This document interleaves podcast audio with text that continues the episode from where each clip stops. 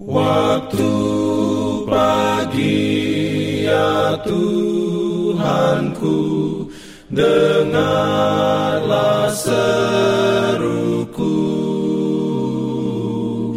Melayang doa yang sungguh Memandang padamu. Selamat pagi pendengar Radio Advent Suara Pengharapan Mari mendengarkan suara Tuhan melalui tulisan pena inspirasi bersama Allah di waktu fajar.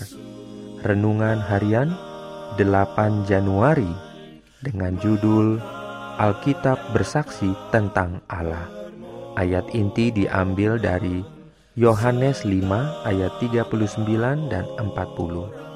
Firman Tuhan berbunyi, "Kamu menyelidiki kitab-kitab suci sebab kamu menyangka bahwa olehnya kamu mempunyai hidup yang kekal.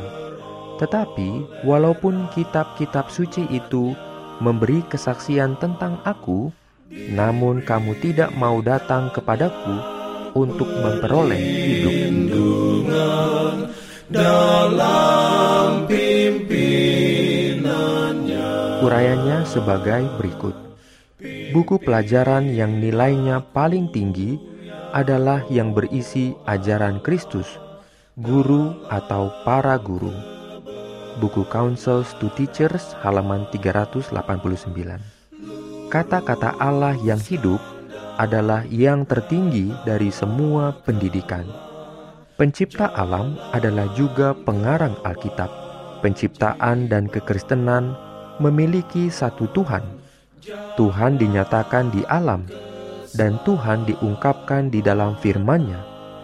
Dalam sinar yang jelas cahayanya bersinar dari halaman suci, menunjukkan kepada kita Allah yang hidup, seperti yang digambarkan dalam hukum pemerintahannya, dalam penciptaan dunia, di surga yang telah dihiasinya.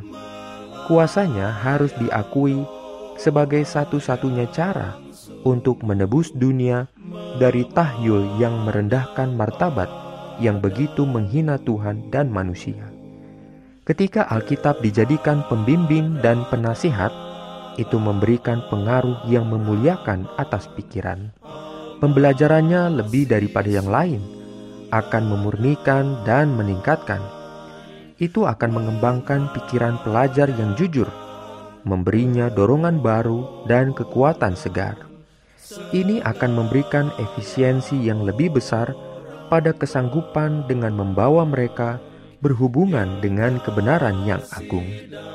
Biarlah Alkitab diterima sebagai makanan jiwa, cara terbaik dan paling ampuh untuk memurnikan dan memperkuat kecerdasan. Dalam firman Allah, kita hanya melihat kuasa yang meletakkan dasar-dasar bumi dan yang membentangkan langit. Dalam firman Allah, pikiran menemukan berbagai hal untuk pemikiran terdalam dan aspirasi tertinggi. Di sini kita dapat mengadakan persekutuan dengan para bapa terdahulu dan para nabi dan mendengarkan suara yang kekal sewaktu dia berbicara dengan manusia. Dalam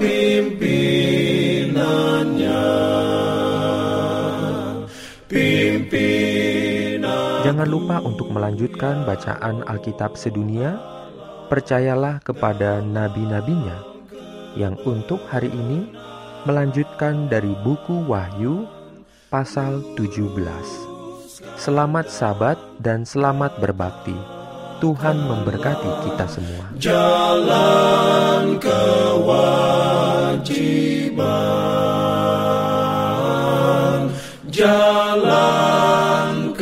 Islam.